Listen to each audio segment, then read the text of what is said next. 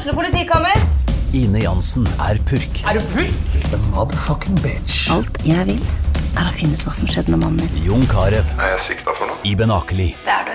Ole So, Lars Berrum og Big Daddy Karsten. Hvem sin side er du på, egentlig? Anette Hoff, Tone Danielsen, Kommer du fra Afrika? Jørnis Josef, Nesten. Kløfta. Trond Espen Seim, Det er synd å si det, men det var feil mann som døde. Purk. Premiere tirsdag på TV2 Play. Ungsamtalen fra DNB er økonomisk veiledning tilpasset deg som er ung. Bokk en ungsamtale på dnb.no. slash ung. Det er kjempebra hvis du skal inn på boligmarkedet, hvis det er drømmen din, liksom. Det er det du skulle sagt. Og så kunne du ropt litt mer, da, sånn som jeg gjorde. Bam! Dagens gjest har jobbet som internasjonal modell siden hun var 19 år, med store navn som Guess, Revolve og L'Oreal. Hun har også gjestet flere episoder av den mest sette amerikanske såpeoperaen The Bold and the Beautiful, og du har kanskje sett henne på Instagram. Men som vi vet, eh, Sofie, så er jo ikke livet alltid som det ser ut som på Instagram. Og i dag så skal vi snakke om noe Elin ikke har snakket så veldig mye om tidligere, og det er et usunt forhold, og hva det har gjort med henne, og hvordan hun har klart å komme seg ut av det.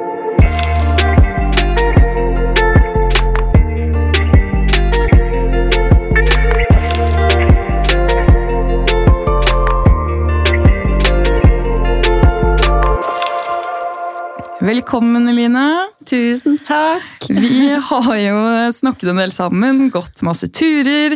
Vi ble vel kjent i sommer? Ja, Ja, herregud. Det har vært et uh, vennskap i rask vekst, vil jeg si. ja herregud. Og som vi snakket om litt før vi kom inn her, så har vi jo skravla høl i hodet på hverandre. Eh, og det som vi fant ut av etter vi hadde hatt vår første date, er jo at eh, du har jo en lillebror som jeg kjenner. Har du hørt den historien? Ja, jeg hørte noe om det. Det var sånn litt sånn Ja, hva må Eline? Og så eh, Ja, det viser seg jo at jeg har vært med lillebroren hennes. Så jeg bare, Hæ? Han syns du er nydelig, da. Så det er veldig, det er veldig koselig. Jeg syns han er veldig veldig søt også. Litt uh, småkyssing på fest. Ja. Det er, han er veldig, veldig fin gutt, men det er Ja. veldig morsomt. Det er veldig morsomt. Eh, men Liten da- verden. Altfor liten verden, altså. Men det er sånn her, jeg føler at Selv om vi bor i Oslo, så tenk, jeg tenkte når jeg kom fra Finnmark, så tenkte jeg wow, stor by blir jo aldri å møte noen som jeg har møtt før i gaten. og sånn. Jeg, altså, jeg møter alle jeg kjenner, bare jeg skal på butikken, eller om jeg er på bussen, eller om jeg er på helt andre sida av byen. Herregud. Det er så liten by. Ja, og de klubbene man går på, der er de samme folkene hele tiden. Du vet Yes! liksom hvor du skal gå, der finner vi Og plutselig er du på vors med noen som er bestevenn med din bestevenn, som du aldri har hørt om før. Altså, Ja, det har skjedd meg. Eller, men det var vel kanskje ikke bestevennen din, da. Oh, Ja, stemmer det. Men det er litt sånn like barn leker best, da. Føler jeg. Ja. At man liker de samme type folka. Ja. Så broren min og jeg liker tydeligvis de samme type damene. Han har god smak. ja, da liker dere ikke meg, da. Og, men selv om eh, måte ting er veldig hyggelig og fint, så er vi jo egentlig her i dag for å snakke om et litt mer alvorlig tema som vi har snakket mye om. Som vi også har snakket om i podkasten. Ja, vi har snakka om det en del i podkasten, tror jeg. Eh, både med narsissister og psykopater, og vi har jo også snakka om usunne forhold. Eh, hvordan det har vært å være i dem, og hvordan, hvor vanskelig det er å komme seg ut av dem. Eh, og jeg har jo personlig ikke hørt noe om Eline sin historie, men jeg kjenner at jeg gleder meg litt til å høre eh, noen andre sin eh, historie om det samme temaet. For jeg har inntrykk av at det her skjer med veldig mange, og føler at alle venninnene har, i hvert fall én gang, har vært igjennom et sånn type forhold. Hmm. Så jeg vet ikke hvor du vil starte, Elin. Er det litt sånn eh, fra starten hvor dette begynte? Nå tror jeg alle har skjønt at vi skal inn på litt usunne forhold-historier her. Mm. Um, dette er jo ett spesifikt forhold. Ja. Åh, jeg kjenner jeg, Det er litt sånn Det er skummelt, det her. Jeg kjenner jeg er nervøs. Men uh, Ja, nei, jeg vet ikke hvor vi skal begynne. Vi, det startet jo som et uh, veldig spennende forhold med en superkar som bare var dritmorsom, fikk meg til å le, tok meg skikkelig med storm. Bare helt annerledes enn alle andre jeg har møtt før, egentlig. Eh, og så utviklet det seg jo ganske raskt, da. Han var jo veldig sånn eh, Ville at vi skulle flytte sammen veldig raskt. Ville bli sammen med meg veldig raskt. Og jeg følte meg veldig sånn sett og veldig spesiell og ble veldig sånn Hva skal man si? Um, flattered. Altså, ja. Hva heter det på norsk? Altså Å, nå spør du godt. Eh, Ja. Smigret. Smigret, ja. Mm, ja. Så jeg har kanskje skjønt i ettertid at når ting går så fort, og når, ting, når noen er liksom skryter deg så opp i skyene og er så Ja. Det er kanskje ikke det beste tegnet sånn egentlig. Men øhm, ting gikk jo raskt, og jeg var superforelsket, og flytt, vi flyttet sammen raskt. Og Hvor raskt flytta dere sammen? Jeg tror det nesten bare var etter noen måneder. Typ. Noen måneder, ja. Ja. Eh, og så um, var det vel litt ting sånn i, i starten. Litt sånn sjalusigreier. At han liksom Ja, hvorfor skal du dra på den festen? Hvorfor skal du henge med dem? Eh, litt sånn nedlatende kommentarer på hvordan jeg gikk kledd. Eh, litt sånn sjalusi på liksom Eller sånn Skal du ha på deg den utringede kjolen? Altså, men jeg, jeg følte på en måte Jeg ble flattered, da. Jeg ble liksom bare litt sånn eh, Ja, at det, Ja. det var var At det var noen som brydde seg, og at de bare ville ha det for seg sjøl. Ja, Ja, skikkelig, liksom. Uh, ja. Så var man jo veldig forelsket, da, så man tenkte jo på en måte bare at det, altså, det var en krangel i starten, og jeg hadde jo vært singel i veldig mange år før det forholdet. Så jeg følte jo liksom at endelig hadde jeg møtt noen, og nå skulle jeg på en måte jobbe litt for det, og jeg hadde egentlig bestemt meg for at neste gang jeg fikk kjæreste da, så, så skulle jeg faktisk jobbe ordentlig for det. da. Jeg skulle ikke bare gi opp, liksom. Hadde veldig mange venninner som var i forhold og sånne ting, så følte det var litt sånn feil å bare gi opp med en gang, og jeg var jo ja, superforelsket. Um, ja. Så gikk det jo egentlig bare Hva skal man si? Det var bare veldig usunt. Det var liksom veldig enten-eller. Altså Mye manipulasjon og mye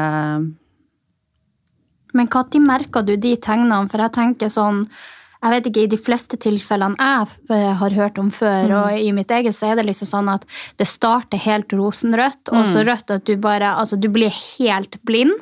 Eh, og så tar det kanskje seks-sju måneder, og så begynner du å se små tegn. Eh, men da har du på en måte hatt det så bra at du tenker at ingen kan måle seg med den kjærligheten. Eh, var det liksom en seksmånedersperiode, eller var det lenger enn det, før du så noen av de tegnene der? Jeg tror jeg så det ganske raskt, litt sånn når vi hadde flyttet sammen. Eh, litt sånn små ting. Men jeg valgte bare å overse det, egentlig, og tenkte liksom at ja, men det er sikkert bare meg, og ja, det er sikkert bare meg som på en måte må oppføre meg annerledes, eller ja, han gjorde det liksom Jeg så jo veldig opp til han, og det gjør man jo når man er forelsket. Man ser på en måte opp til den personen og er veldig, altså beundrer den personen man er forelsket i og elsker, da. Så jeg følte på en måte at hans ord var rett, og han sa det på en nedlatende måte som gjorde at det, det var på en måte meg det var noe galt med. Eh, Men jeg var jo på en måte likevel bevisst på at Jeg vet ikke. Jeg, altså jeg visste på en måte innerst inne at det var feil.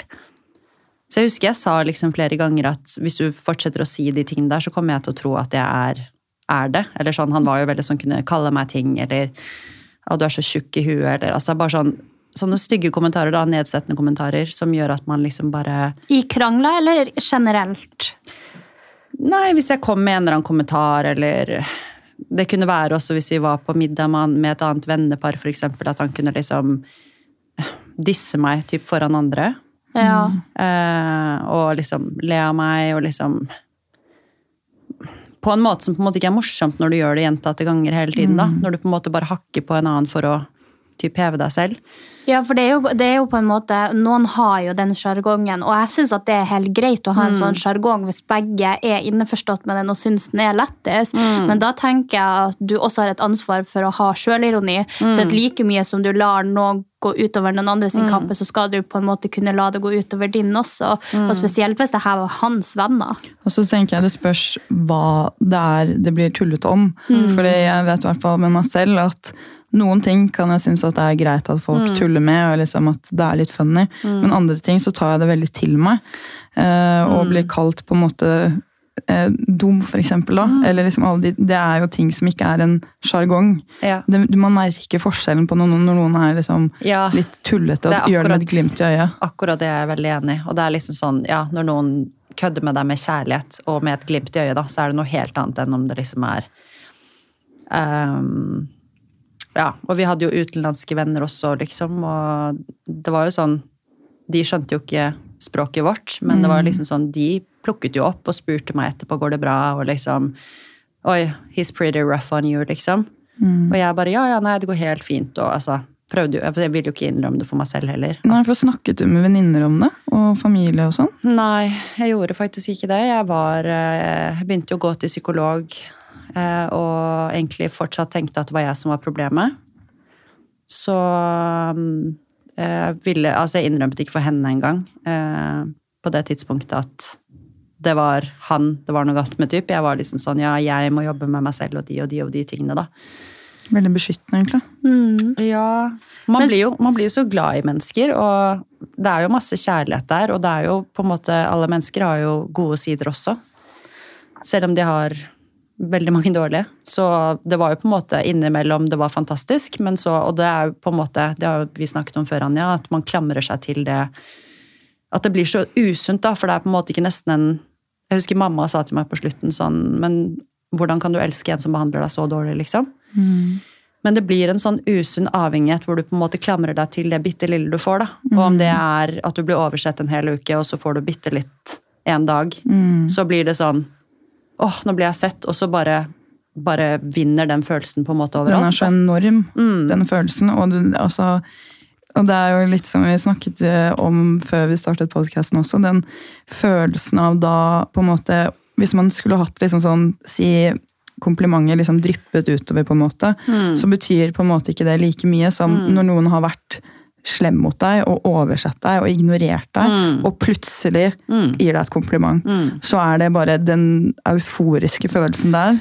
Ja, jeg er- syns du var flink til å beskrive det der, for jeg syns at det er veldig vanskelig å forklare disse tingene til eh, Det er jo en grunn til at vi to også har kommet ganske close på ganske kort tid, er at vi har snakket veldig mye om vanskelige ting som ikke alle kan relatere til. Og selv om man har gode venner og familie som stiller opp, så er det ikke så mange som forstår Å ja, men ja, dere har sikkert bare kranglet litt, og det går fint, eller Ja, og det er veldig få som skjønner den manipulasjonen som foregår, faktisk. Og også som Fordi disse menneskene, sånn som vi har snakket om i den narsissist-episoden eh, Ikke at jeg kaller din eks narsissist eller liksom eh, noe sånn her, men så er det jo veldig den der at de er så sjarmerende. At for personer da, som ikke ser den oppførselen direkte, forstår ikke den manipulasjonen som foregår på innsiden av fire vegger. Nei. Og det, det blir så mange småting at å skulle forklare til noen hvordan det her har påvirket deg, så må du ha tre timer og fortelle liksom alle de små tingene. fordi å si én ting hjelper ikke, å si to ting hjelper heller ikke. Det er hele omfanget og det miljøet man har levd i. Og det at det her er den viktigste personen i livet ditt, som man tror på, og som man mener at du har rett, og du er sannheten, på en måte, og jeg må bare bøye meg etter deg. Men jeg tror, jeg tror det også er på en måte sånn vanskelig for folk å se. For jeg har jo sjøl sett på filmer jeg har jo selv sett på serier av folk som blir undertrykt. Og folk som er Nå tar jeg et ganske røft eksempel. Som blir eh, slått i forhold, og som har vold mot seg. Men det man glemmer fra utsida når man ser det, så er det veldig lett å se at denne personen skal ikke du leve med. Men så er det veldig mye man ikke ser der. Eh, den avhengigheten, den kjærligheten. Og så er jo det her personer som er ekstremt flinke i det de gjør. For det er jo snakk om folk som jeg vil si i de fleste av tilfellene eh, har et psykisk game. Og hvis du har et psykisk game, så er det på en måte, da er du best i din ting. Og det er jo akkurat som at frihetsutøvere er flinkest i å springe. Så har de gjort seg verdensmestere i å kunne vinne over en jente. Og da den kjærligheten du har til en vanlig person som kanskje ikke har samme game, eh, er jo vil jeg da si, i hvert fall i mine tilfeller, har vært lavere enn mot sånne her personer som er så ekstremt flinke i det de gjør. For de vet akkurat hva de skal gi deg, de vet akkurat hva de skal si til deg. Eh, ja, de vet akkurat hvordan de skal ha sex med deg, de vet hvordan de skal rive deg ned for å bygge deg opp igjen. Og da er det ekstremt vanskelig når du står der uten den selvfølelsen og skjønner at det er dem det er noe galt med, fordi alt tilsier jo i ditt forhold at det er deg det er noe galt med, for de alltid forteller deg at det er du som gjør det her, det er du som er tjukk i huet. Og til slutt så begynner du jo selvfølgelig å tro på det her sjøl, fordi at som du sier, du snakker ikke med venner, du snakker ikke med familie, så du har ikke andre sitt input på at det er han som er eh, den som er noe galt med. Og når man da står oppi det, og det er en person som er kjepphøy og stor, og som du klamrer deg fast til, så jeg syns det er ganske selvfølgelig at man legger skylda på seg sjøl, da. Men sånn som i ditt tilfelle, Line, tror du at det er bevisste handlinger? Fra hans side, liksom. Mm, eller tror du at Nei. man bare er sånn? Nei, jeg tror ikke han egentlig eh, Hva skal man si? Mente det. Men jeg tror bare man er et resultat av fortiden sin. Og det, jeg har lest sinnssykt mye psykologi i, i slutten av forholdet for å prøve å forstå.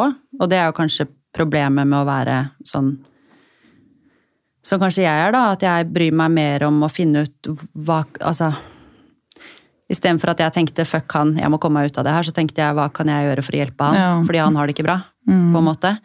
Eh, men det er jo Jeg tror jo ikke at noen mennesker er født onde. Jeg tror på en måte man blir et resultat av opplevelser man har tidlig i livet, eh, og dessverre da dra med seg i altså Det er ikke noe unnskyldning for, for å behandle andre dårlig, men Det er en forklaring. det er jo som regel sånn det er, liksom.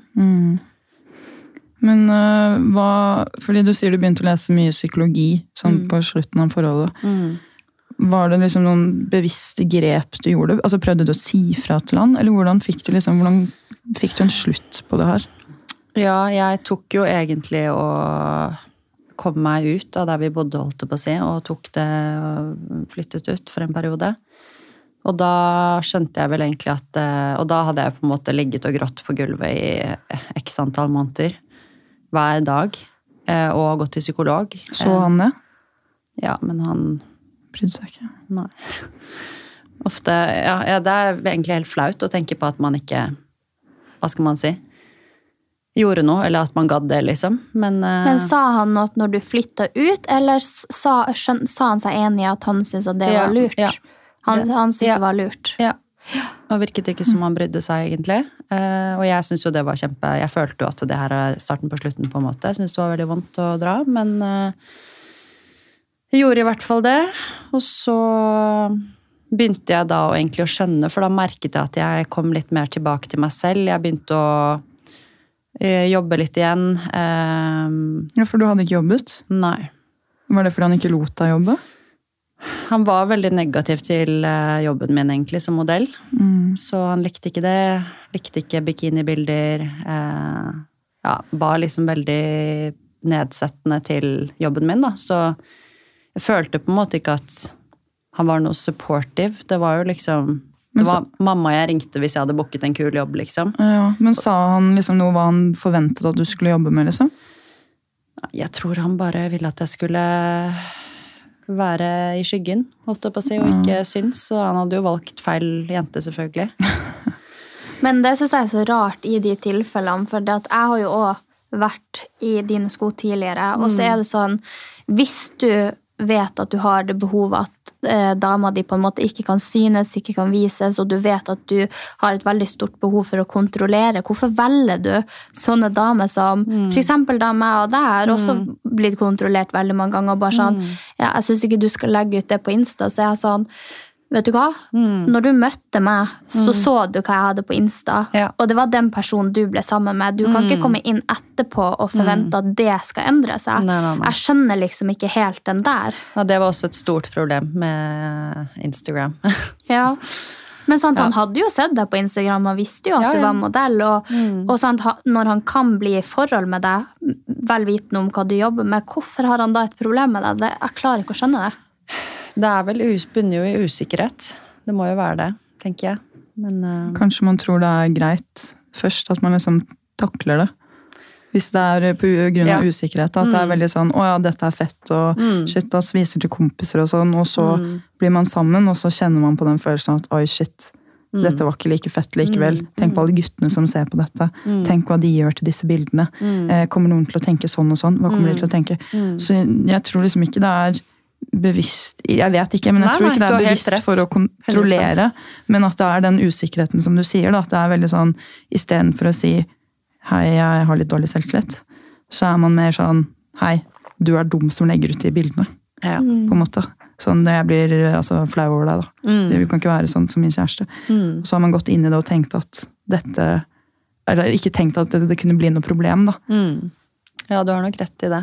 100% Og Ja, nei, det Det er ikke godt å si hvorfor man er sånn, men jeg tror ikke det var for å bevisst på en måte Kontrollere. Nei, men det var jo Det rakket jo veldig ned på meg, da, så det er jo ikke noe oppbyggende, og det var jo ikke noe bra for min jobb, og jeg har på en måte alltid elsket å jobbe og elsket å møte folk og liksom vært veldig sosial og liksom Ja. Mistet jo helt meg selv, da. Ble jo på en måte Prøvde jo på en måte å bare tilpasse meg, tilpasse meg, tilpasse meg og bli gråere og gråere og mer og mer innesluttet. Um, så det er jo det som skjer når man prøver å Altså, man må jo tilpasse seg et forhold, men man skal jo ikke be noen om å endre seg fullstendig. Um, men jeg skjønner jo på en måte at det er utfordrende å være sammen med en jente som deg, for eksempel. Som, altså, eller, eller deg, men altså at man, man byr på seg selv, man er mye, men det er sånn, hvis ikke du takler det, at eh, du har en dame som, som skinner og som syns og syns det er kult, og da, må, da kan man ikke liksom date henne heller, da. Nei, men jeg tenker det er litt, liksom, litt ansvaret når du går inn i det. For det blir jo vanskelig hvis de begynner å date deg, og så syns de ikke det er greit eh, når de blir kjæreste med deg. For da er det som vi har snakka om, eh, som man også når man går inn i et forhold som ikke er sunt, så har man begynt å elske hverandre. Og da er det veldig vanskelig å skille hva som er rett og galt, og hvor den grensa går. Og sånn som deg, da, så slutter du med den jobben du elsker å gjøre. Eh, og det er jo veldig lett å gjøre det hvis man kommer til et sånt punkt, så jeg tenker at de har jo da et ansvar også, når de ser at det er det du holder på med, og det er det du jobber med. At eh, hvis de har tenkt seg at det her kanskje ikke er noe de kan breake, så ikke gå inn i det. Men det er jo en måte også å få kontroll på. Jeg har jo lest mye om det her i ettertid, og det er jo liksom, du får jo veldig kontroll over et menneske når du gjør et menneske så avhengig av deg at du får mennesket til å slutte å jobbe. Og altså, da blir du jo enda mer trapped. Jeg følte meg jo enda mer trapped fordi Altså, jeg følte jo på en måte at jeg hadde mistet meg selv, og at han på en måte var det eneste Altså mesteparten av livet mitt, da. Så og jeg føler, jeg var jo veldig isolert i det forholdet, og jeg hadde på en måte ikke så mye kontakt med de i Norge og på det, det tidspunktet og sånne ting, så ja. Det, Man blir fanget. man blir litt lett fanget, ja. Og man, det er vanskelig å se på en måte et, et bra liv uten den personen. Fordi at det er hele verden din. Og altså, humøret ditt den dagen avhenger av om den personen er i godt humør eller dårlig humør. Eller om den gir deg oppmerksomhet eller ikke. Eh, og når det er liksom bekreftelsen du trenger for å ha en bra dag, så er det jo vanskelig å se for seg et liv uten den bekreftelsen også. Ja. Ja, så Når man er forelsket, så blir man jo helt sånn Det eneste du vil, er jo på en måte å bli sett av den personen. Du driter jo i alle andre gutter. Du vil på en måte bare bli sett av den. Så en person Altså, man har et ansvar når man Vi jenter også, altså det er Jeg altså, er jo også redd for å på en måte ikke være Etter å på en måte ha vært i et sånt forhold, så tenker jo jeg også veldig over liksom at jeg vil være en god kjæreste nå, og liksom er jo livredd for at jeg har dratt med meg noen av de dårlige tingene, og at jeg er blitt påvirket til å på en måte ikke være en god person i mitt neste forhold og sånne ting. Men um, ja, man, man gjør så godt man kan, liksom. Man gjør det. Men det er jo litt som vi også har snakket om, Sofie, det at eh, selv om man går ut av det For det, altså, det er jo kjempevanskelig i seg selv, og en veldig vond periode. Men å skulle finne en ny en da, er jo veldig, veldig vanskelig. Fordi man er vant- Ekstremt vanskelig. Ja, fordi man er vant til dette usunne, spennende, fantastiske og jævlige forholdet. Ja, for da, og da, jeg tenker også at det kan sammenlignes med at eh, du liksom er i et forhold der du faktisk må jobbe så hardt med ting at du alltid har noe å sette fingrene dine i. Men så fort du finner en fin kjæreste igjen etter det, så trenger du ikke å sette fingrene i det, for at de tingene er der fra før av. Og da blir det litt sånn i hermetegn, for det her høres jo helt jævlig ut, men kjedelig fordi at du er så vant til å måtte gjøre så mye og hige så mye og få så lite at det blir spennende. Men når du får alt servert på et sølvfat, det er jo akkurat som Jeg kan dra en parallell til folk som er sjukt rike. Mm. så, er så skal det mer til for at de blir happy enn for oss eh, som har en normal økonomi og et normalt liv. Så da når du er på en måte i et så rikt forhold, så kjeder du deg litt lettere. Det er veldig fucka, det der. Men eh, ja, man må gå noen runder med seg selv, tror jeg, hvis man opplever sånne forhold. På en måte, Og liksom heller bruke tiden godt etterpå til å eh, jobbe med seg selv, da. Og jeg tror også det handler mye om egen selvverdi, på en måte, og selvfølelse, hva man Altså, jeg havnet jo i psykiatrien på et tidspunkt, og følte meg så dum som var der, og bare husker jeg sa liksom at jeg syntes det var så flaut, og bla, bla, bla. Og da husker jeg hun, hun jeg snakket med, sa at du skal vite det at vi har både de sterkeste kvinner og menn som havner her, så det handler ikke om at du på en måte er et svakt menneske. Ehm, ja. ja. for det er jo det man føler på også. ikke sant? Hvordan har man havnet i denne situasjonen? Hvorfor har man ikke gått ut av det? Hvorfor blir man påvirket av denne situasjonen? Hvorfor klarer man ikke å liksom bare kutte det ut og si hei, jeg er ferdig? ja. Det- Alle spør jo om det, eller Mm, ja. sånn de nærmeste, liksom. og sånn. Det er sånn, Hvorfor gadd du det, liksom? Men det, nei, det er vanskelig å forklare hvis man Og jeg er alltid helt ærlig, jeg har faktisk tenkt det selv når jeg har hørt om folk i usunne relasjoner. sånn, Du blir slått, så tenker jeg sånn Hvorfor i helvete gidder du det? Men altså Nå føler jeg på en måte at jeg skjønner. Ehm, fordi ja, det er veldig vanskelig. For man blir, man blir veldig brutt ned, og man Altså, jeg var skikkelig deprimert på slutten, liksom, og jeg hadde på en måte ikke Altså, det høres teit ut, men jeg hadde ikke energi til å gå ut av det engang. Altså, å ta de kampene og liksom eh, Å ta krangler eller Altså, man bare gjør heller alt for bare å ikke være i veien eller skape dårlig stemning eller Ja. Man gjør det enkleste, som tar, eh, tar minst energi. Men eh, du kom deg jo ut av det. Men du, du datet vel ikke på et år? Gjorde du det? Nei, det tok veldig lang tid før jeg begynte å date. Um, og så begynte jeg jo å date litt igjen, eh, og det var veldig, veldig vanskelig.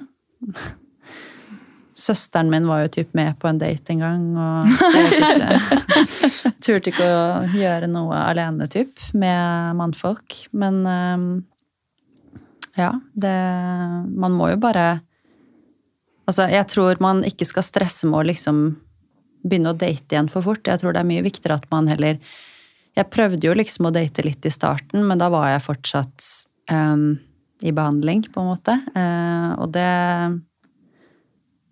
Da var, sa jeg bare til henne, eller hun prøvde å pushe meg på det, da, da sa jeg bare at jeg ikke var klar, og at jeg heller ville på en måte vente. Men jeg tenker liksom at man ikke skal jakte på kjærligheten uansett hvor gammel man er, selv om man kommer til en alder hvor mange venninner også har kjæreste, og man tenker at å, det hadde vært så hyggelig å ha kjæreste, men jeg føler at hvis man på en måte forcer det, så er det mye lettere å møte feil gutter også. Mm. enn hvis man bare bygger seg selv opp så god at man har så god selvtillit og så high self-worth, altså selvverdi, at man vil på en måte tiltrekke seg gutter som vil respektere deg. Da. Og det kan jo hende at jeg Altså, jeg er jo superspirituell, og, men at jeg trengte det forholdet. Jeg på en måte, for å på en måte ta et oppgjør med meg selv og aldri på en måte havne der igjen, da, for det vet jeg på en måte nå at jeg vil aldri godta det der igjen noen gang, liksom. Nei, og det er jo som jeg sa til deg, at eh, jeg tror alle venninnene mine har vært i et eller annet sånt forhold. Og da tenker jeg liksom Jeg er også glad at man er kvitt de verste bølgene tidlig, for jeg føler man breaker mye mer når man er ung enn når man blir eldre. For jeg tror man kan bli enda mer nedbrutt. La oss si at man er i ja, 35-årsperioden, kanskje ikke har barn. Eh, alle andre venner har både mann og barn. Eh, og så havner du i en sånn periode, for som du sier, det tar veldig lang tid å kravle seg ut av en sånn situasjon. Så jeg, jeg setter også veldig stor pris på at jeg har vært i de bølgedalene der og at jeg vet hvordan det er, og vet hvilke tegn jeg skal se etter. Og at man på en måte er ferdig med det i 20-årene. Eh, selv om det man kanskje skulle sagt at man skulle vært foruten, så tror jeg det er ganske sunt også å ha vært i et sånt type forhold. Både for forståelse for andre, men også for sin egen, ja, sin egen tanke ut livet. Og utvikling og refleksjon på hvordan livet skal være og hva man vil ha. Men, og hva eh, man fortjener, på en måte. mm. Um, Men det er jo ikke sagt at selv om etter et sånt forhold, så, så skjønner man det. nei. For det er jo på en måte Jeg hadde det forholdet veldig tidlig. Mm. eh, Da jeg var eh, 16-17. 16-17. Eh, Men jeg har jo likevel havnet i lignende type forhold med folk jeg har holdt på med. Mm. eh, Og på en måte aldri kommet meg ut av det før det hadde gått mange, mange år. da, Fordi Mm. at jeg jaktet da den euforiske følelsen som jeg Mm. Man trodde det. Mm. Ja, man gjør det. Og jeg trodde det, Det var gjør jeg forelskelse. fortsatt.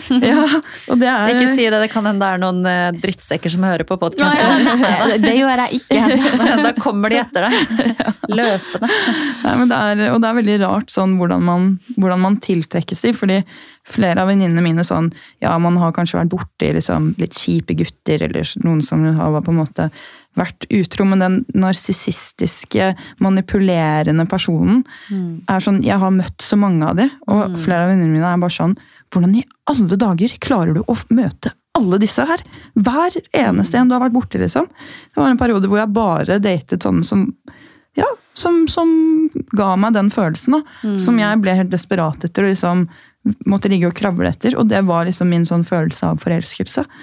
Men det er jo noe med den der selvsikre cocky holdningen da, som er på en måte litt sånn man syns er litt spennende. Altså Jeg vet ikke. At Ja, man er kanskje Altså De er på en måte vet, Du er singel fortsatt, ikke sant?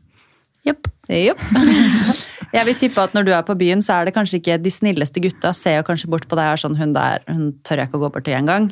Mens de guttene som kommer bort til deg, er kanskje de som er sånn ja, litt narsissistiske trekk. Som tenker Ja. at hun der skal jeg bange i kveld, liksom. Men det tror jeg absolutt. Ja, men det Og da er det litt sånn, da er det på en måte din jobb litt òg. I hvert fall det jeg på en måte har tenkt med meg selv, at det er litt min jobb å lukke opp øynene for de snille guttene, for de fins jo der ute. Det fins jo masse bra mennesker der ute. Og man velger jo litt selv hvem man involveres med, og em, sånn som nå føler jeg at jeg spotter sånne narsissistiske trekk så raskt. Eh, Det er helt merkelig. Det er akkurat som om man har fått en sjette sans. Em, men det er jo liksom et valg man må ta for seg selv òg, og hva man Er det greit å ha det litt kjedelig, på en måte? Fordi et sunt forhold skal jo på en måte være stabilt, og nå er det litt sånn i senere tid og eh, etter jeg har fått ny kjæreste og sånne ting, så er det sånn i starten av forholdet, og kanskje til og med litt fortsatt. Han har jo vært verdens mest tålmodige, eh, tål- tålmodige fyr. Men det er liksom nesten sånn at man leter etter når skal det eksplodere, når skal han klikke, er han sur, har jeg gjort noe galt? Hele tiden, ikke sant? Og han er sånn nei, jeg er ikke sur, jeg er ikke sur. Åh, det er Jeg kjenner det så igjen! Og jeg spør hele tiden. Og Harald er til slutt sånn Hvis du spør en gang til nå, så blir jeg faktisk sur? sur. Oh my god. Det har vært så mange ganger, og Anja liksom har gitt meg de her øynene på byen. bare sånn.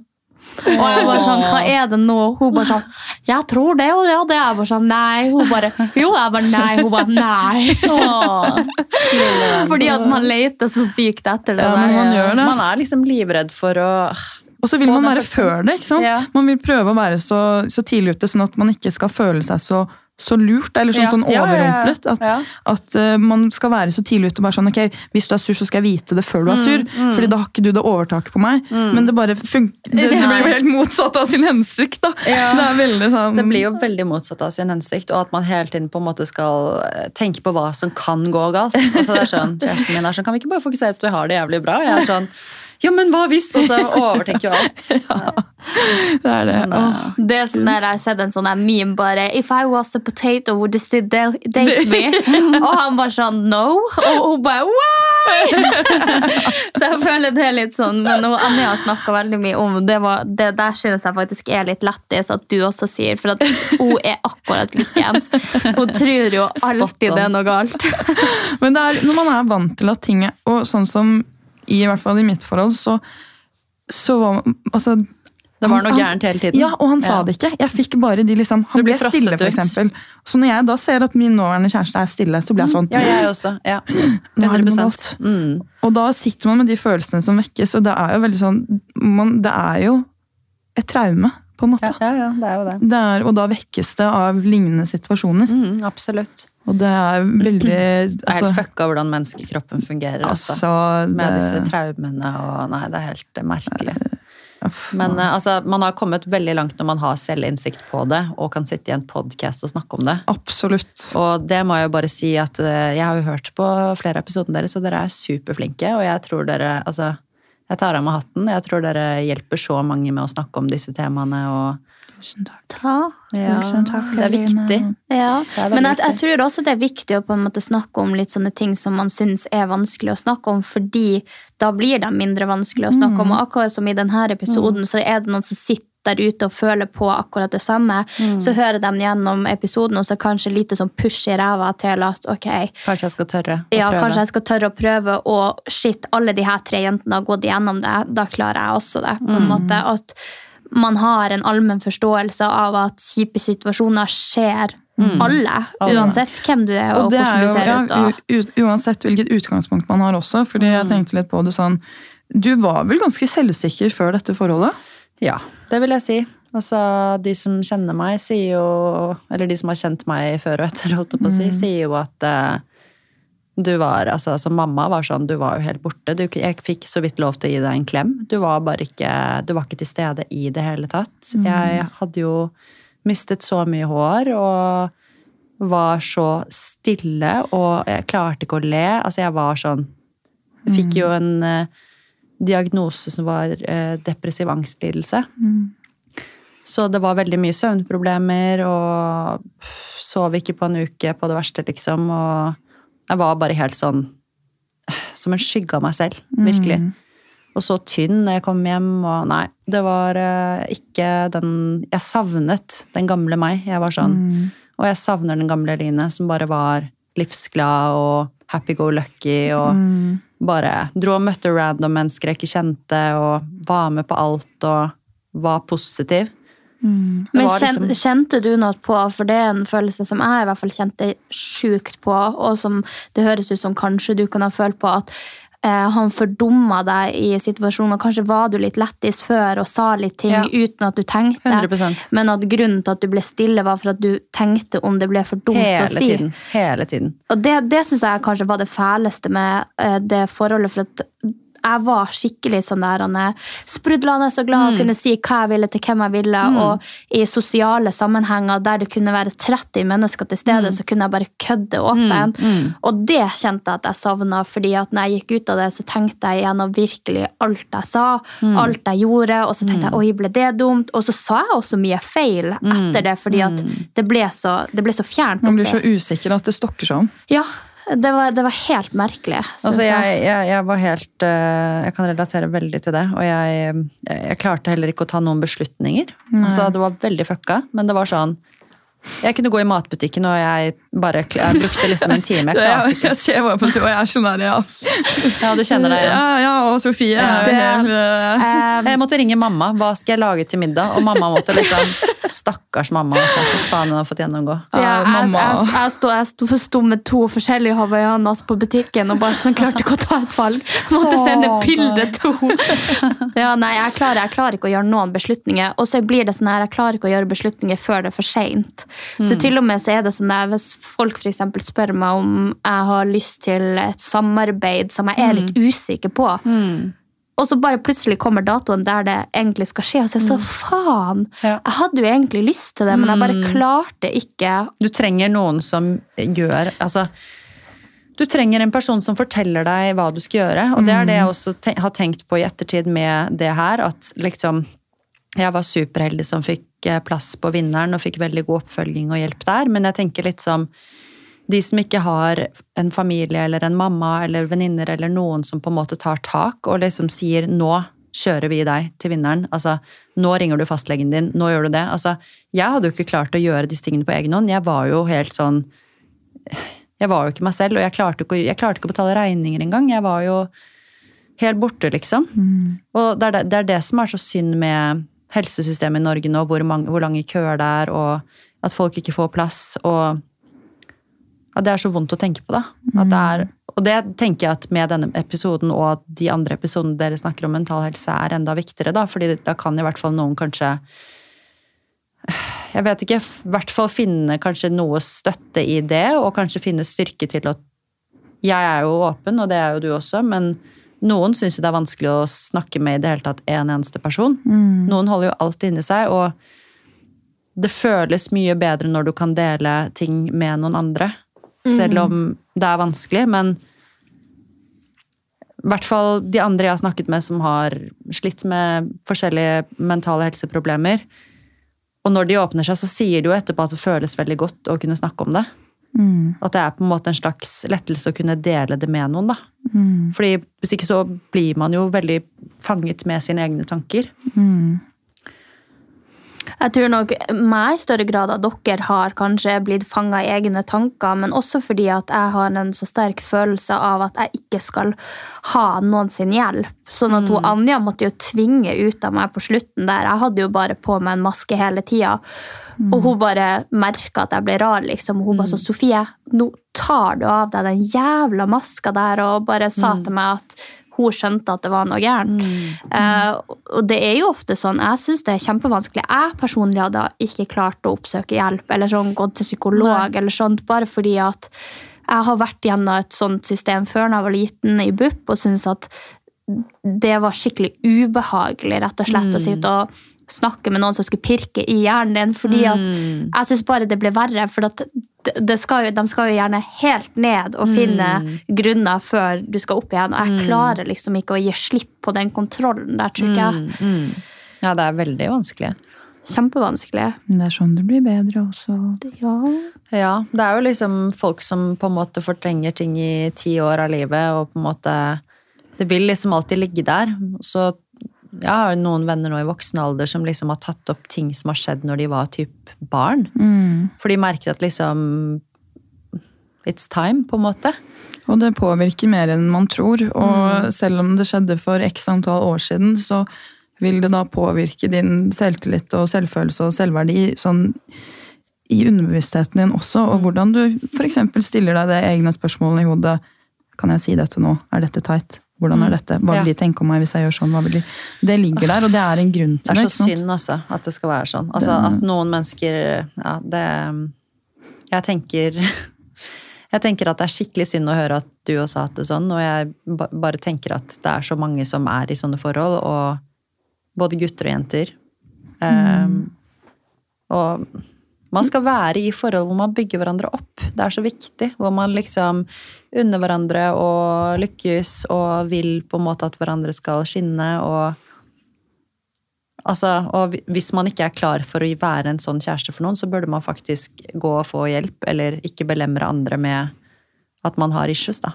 Jeg tror det er kanskje mye av problemet er samfunnet vi lever i, og hvilke eh, tanker man har om forhold, og hvilke tanker man har om kjærlighet. Eh, jeg føler at det er ganske vridd nå til dags, eh, kontra hvordan det var for kanskje ti år siden. Eh, og jeg tror også at vi kommer til å ha enda flere problemer om ti år fra nå, og det er fordi at alt er så nytt, og alle fristelser, og vi har sosiale medier, og alle skal føle seg som kongen på haugen, og du liksom Alle er avhengig av den bekreftelsen, og Nei, det er så mye dritt der ute at jeg tenker at man skal være ganske psykisk til stede for å kunne være i et sunt og langvarig forhold, eh, sånn som ting er nå.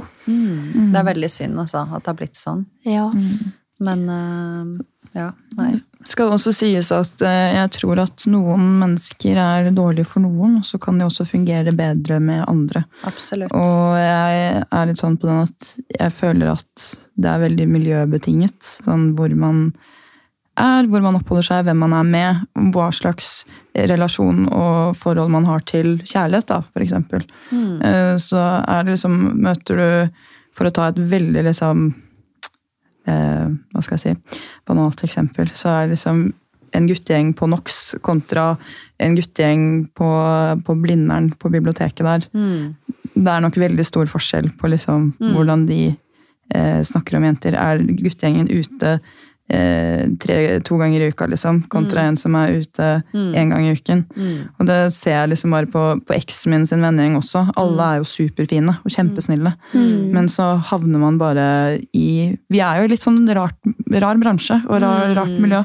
Og der er det Mye rart. ja, Jo, men det er det. Og, Ja, det er mye, og mye bekreftelsesbehov da, i den bransjen. Ja. Og kanskje en, altså en større, et større behov for eksponering. Og den derre at kjæresten din ikke skal være teit, fordi da er det sånn og sånn. Eller at de snakker sånn og sånn. ikke sant? Det, blir, det er alt den der hva synes alle andre, og at hvis man lever av den Ja, det greia der, da funker jo ikke. Nei, Nei, det er, jo liksom, veldig slitsomt å være sånn. Ja. Men jeg tenker kanskje sånn som du sier at det passer bedre for noen, så tenker jeg da at min eks kanskje passer best med en gullfisk. Ja, det er, er noe eh. Jeg tenker jo noen Noen, noen er kanskje Noen er kanskje liksom ikke så sunne for noen før de får ryddet litt opp i hjernen sin. Ja. Eh, som vi lærte i narsissist-episoden vår. Så er Rot noen, på hemsen. Rot på Men hemsen. jeg tenker jo også at man blir jo på en måte opplært litt i sånn hva er kjærlighet av foreldrene sine når man er liten. Og hvis man er vant til at kjærlighet er kjeft og kritisering og eh, latterliggjøring, holdt jeg på å si, så er det jo vanskelig å ikke dra med seg det inn i voksenforhold. Altså, Eller om man blir oppvokst med at um, du får masse kjærlighet, så det, faller det seg veldig naturlig for deg. Eller du er fra en familie hvor man ikke snakker noe om følelser, ikke gir hverandre en klem, så vil du kanskje være veldig dårlig på å kommunisere følelser, selv om du elsker kjæresten din og syns hun er fantastisk. Mm. Så bare Uansett, selv om han syns det, så vil han bare ikke, det vil ikke være naturlig for han å si til deg 'Å, så vakker du er i dag', 'Å, jeg er så glad i deg', eller gi deg en klem. Og noen har jo ikke det behovet for å si eller få de tingene tilbake. Men jeg tenker at hvis jeg skal i forhold med noen Jeg sa jo at neste gang jeg skal i forhold, skal det være mitt siste forhold. Mm. Så skal det være med en fyr som har foreldre som er dødsforelska fortsatt. Fordi at da tror jeg at han også tenker at det er verdt å jobbe for det forholdet. Fordi at det må jeg jo også si at jeg også må gå inn for å, sånn som du da, jobbe for det forholdet. For jeg tror at det er kanskje det viktigste vi gjør hvis vi går inn i et forhold nå til dags. At man faktisk vet at det kommer til å komme nedturer, det kommer til å komme oppturer, men at man er villig til å jobbe seg gjennom dem. Fordi at jeg tror veldig mange ser på kjærlighet som noe som skal være rosenrødt hele tida. Og og vi er jenter et vil jo det òg, på en måte. Ja. Vi vil jo ha det romantiske hele tiden. Og, altså, vi jenter vi er jo litt sånn Vi liker jo på en måte at det skal være litt Disney-film, men jeg tenker liksom at um, Altså, Når hverdagen kommer, da, og den der nyforelskelsesperioden går over, så er det jo liksom man har, partneren, man har jo partneren sin til noe, men man må jo på en måte ha sitt eget liv også, og på en måte være trygg i seg selv og ikke på en måte Altså la sin egenverdi være styrt av hvordan dagen kjæresten din har, selv om det er veldig vanskelig, men at man liksom Men òg at man faktisk I hvert fall det jeg tenkte liksom, når jeg skulle begynne å date igjen, og sånn, var liksom at at jeg på en måte ville bli kjent med en person først, da, og heller kanskje bygge et forhold på et vennskap enn bare å gå for den der passion. Fordi altså, ofte når det er mest passion, så er det kanskje det mest usunne også. Ja, det har vi også sagt, at når du er mest stormforelska, så er det det verste.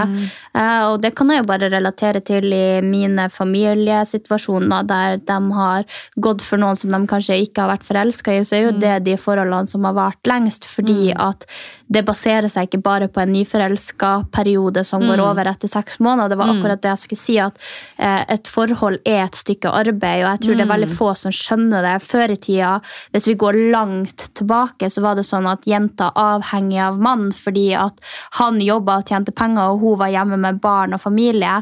Eh, så de var bare nødt til å få det til å fungere. Eh, men nå er det ikke noe som tilsier at vi må få det til å fungere, for at som du sier, begge har sine forskjellige liv, og det går helt bra å gå ifra mann, og det går helt bra å gå ifra kvinnen, fordi at vi har jobb, vi har penger, vi har altså Alle de her sikre tingene, de har vi. Eh, sånn at hvis forhold skal fungere nå, så er det som sagt et stykke arbeid, og det, det, selv om det så sånn ut før, når, når raten kanskje var veldig lav for skilsmisse, så er det jeg tror det var noen kamper der også som, eh, som eh, man kanskje ikke tenker sånn på. At man tenker at kjærlighet var noe helt forskjellig før. Eh, Men det tror jeg absolutt ikke det var. Det var mer den her sosiale forskjellen, og at man var avhengig av hverandre. Mm. Og så tror jeg på en måte at det som er fordelen da, hvis man har vært i et usunt forhold, så vil man kanskje heller på en måte sette pris på at det er litt kjedelig, fordi man liksom Man vil, stabilt. Ja, det er i hvert fall stabilt, og det er jo det det skal være. Et forhold skal på en måte være en trygghet, og det skal være stabilt, og det skal ikke være sånn at du hele tiden er bekymret for om har jeg gjort noe gærent, kommer han til å klikke nå, altså blir det dårlig stemning i dag, har jeg på meg noe feil, har jeg gjort noe gærent, altså sånn skal det jo ikke være. Nei, og jeg tenker, som jeg har også sagt før, jeg er helt enig i at forhold er et stykke arbeid, men som du sa tidligere i podcasten, så er det viktig at de liksom ikke endrer for mye. Selv om man gjerne prøver å liksom gå på kompromiss av hverandre, så er det liksom noen ganger så må man bare Kanskje ikke dette her funker så bra som man håpet. fordi ellers så kan man miste seg selv også oppi det hele. Og det, er viktig å, det er viktig å ta og gi, men ikke, ikke for mye. Og så tenker jeg også på en måte sånn at vi jenter må på en måte være flinkere til å Altså det er jo fortsatt sånn at altså Vi er heldige som bor i Norge, for her er det likestilling, og vi bor i et av de mest equal eh, landene i verden mellom menn og kvinner, men likevel så er jo er, Det er flere mannlige ledere og sjefer rundt omkring, og jeg føler på en måte at generelt så burde vi jenter bare bli flinkere til å ta rommet, ta plassen, rekke opp hånden. Her er jeg, stille krav. Tørre å si hvordan vi vil ha det. Ikke være så redd for å liksom, hvis man blir behandlet dårlig, bare sånn Du, det der finner jeg meg ikke i. Sånn snakker du ikke til meg. Og så bare, hvis du har tenkt å snakke sånn til meg, så tror jeg, du, tror jeg vi bare dropper det her, fordi dette er ikke greit.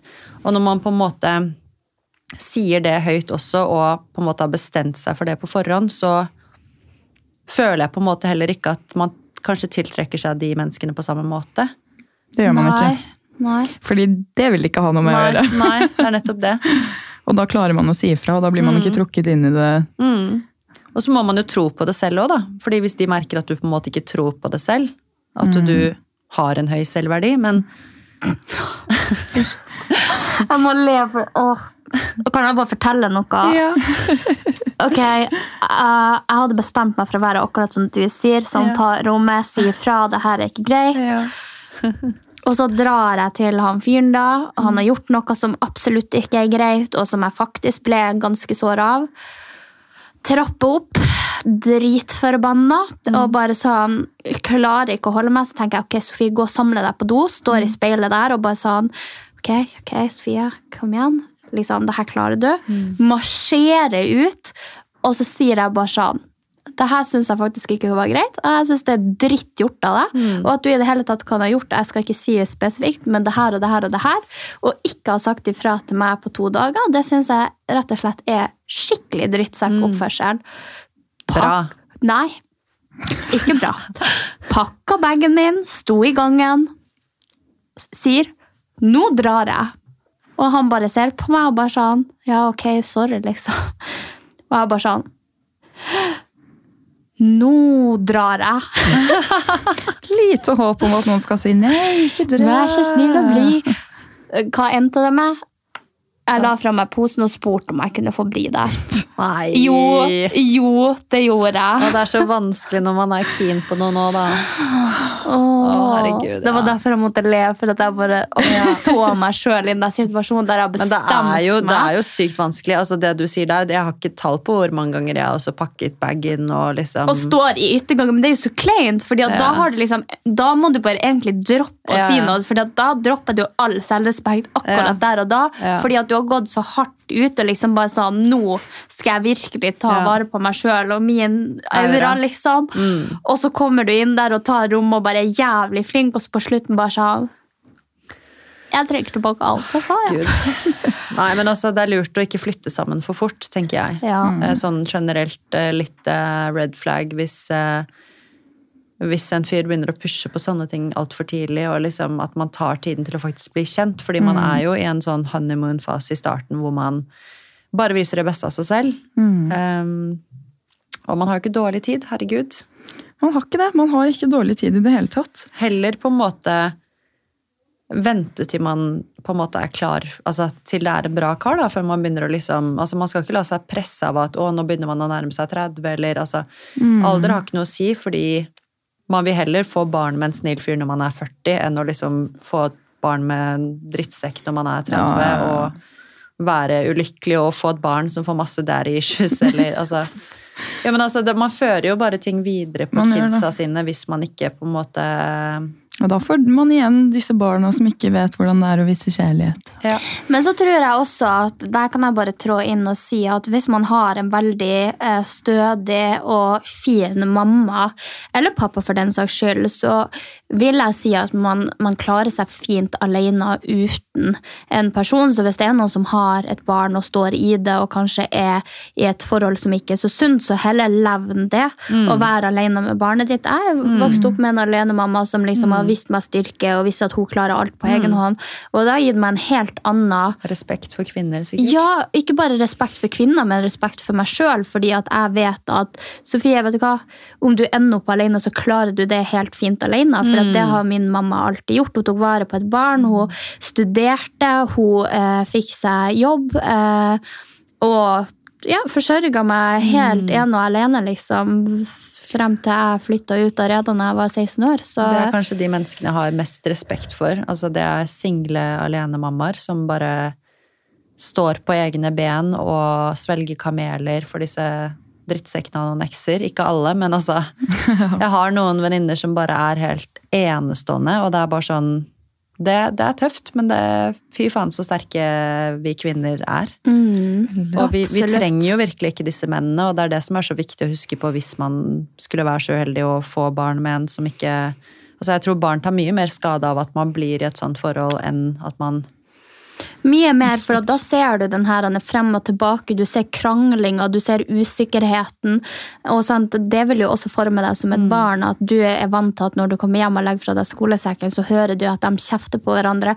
Og når den kjeften og det ustabile forholdet der blir normaliteten din, så vil du jo også ta det med deg videre, sånn som du sier at når du kanskje da er 20 år og skal skaffe deg et forhold, så er du vant til at ja, men det var sånn det var mellom min mamma og pappa, at det kanskje da er greit å ha det dårligere enn du nødvendigvis ville ha hatt det, eh, hvis du da vokste opp med en forelder som tok vare på deg på en bra og sunn måte. Absolutt. Absolutt.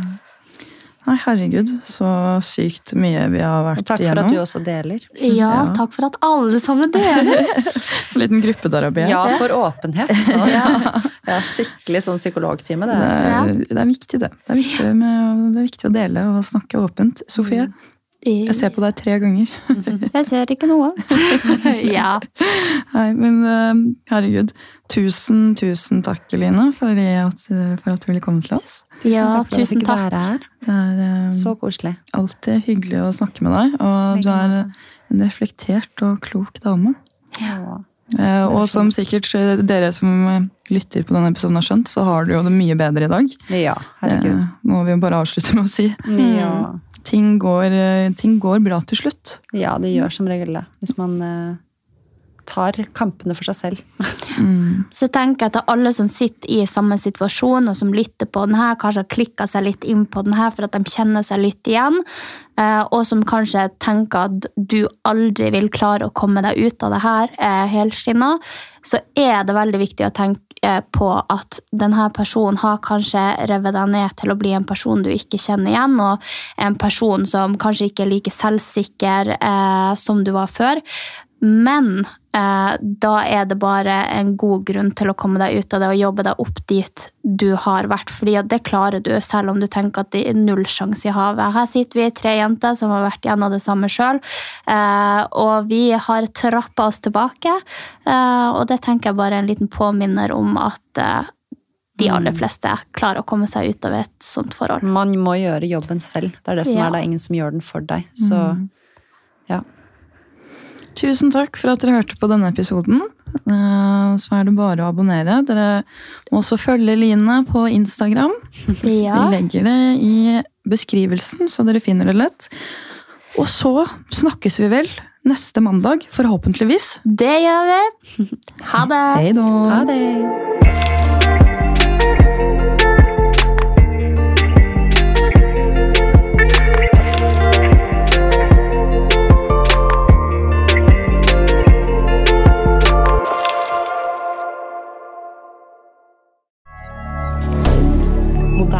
Media.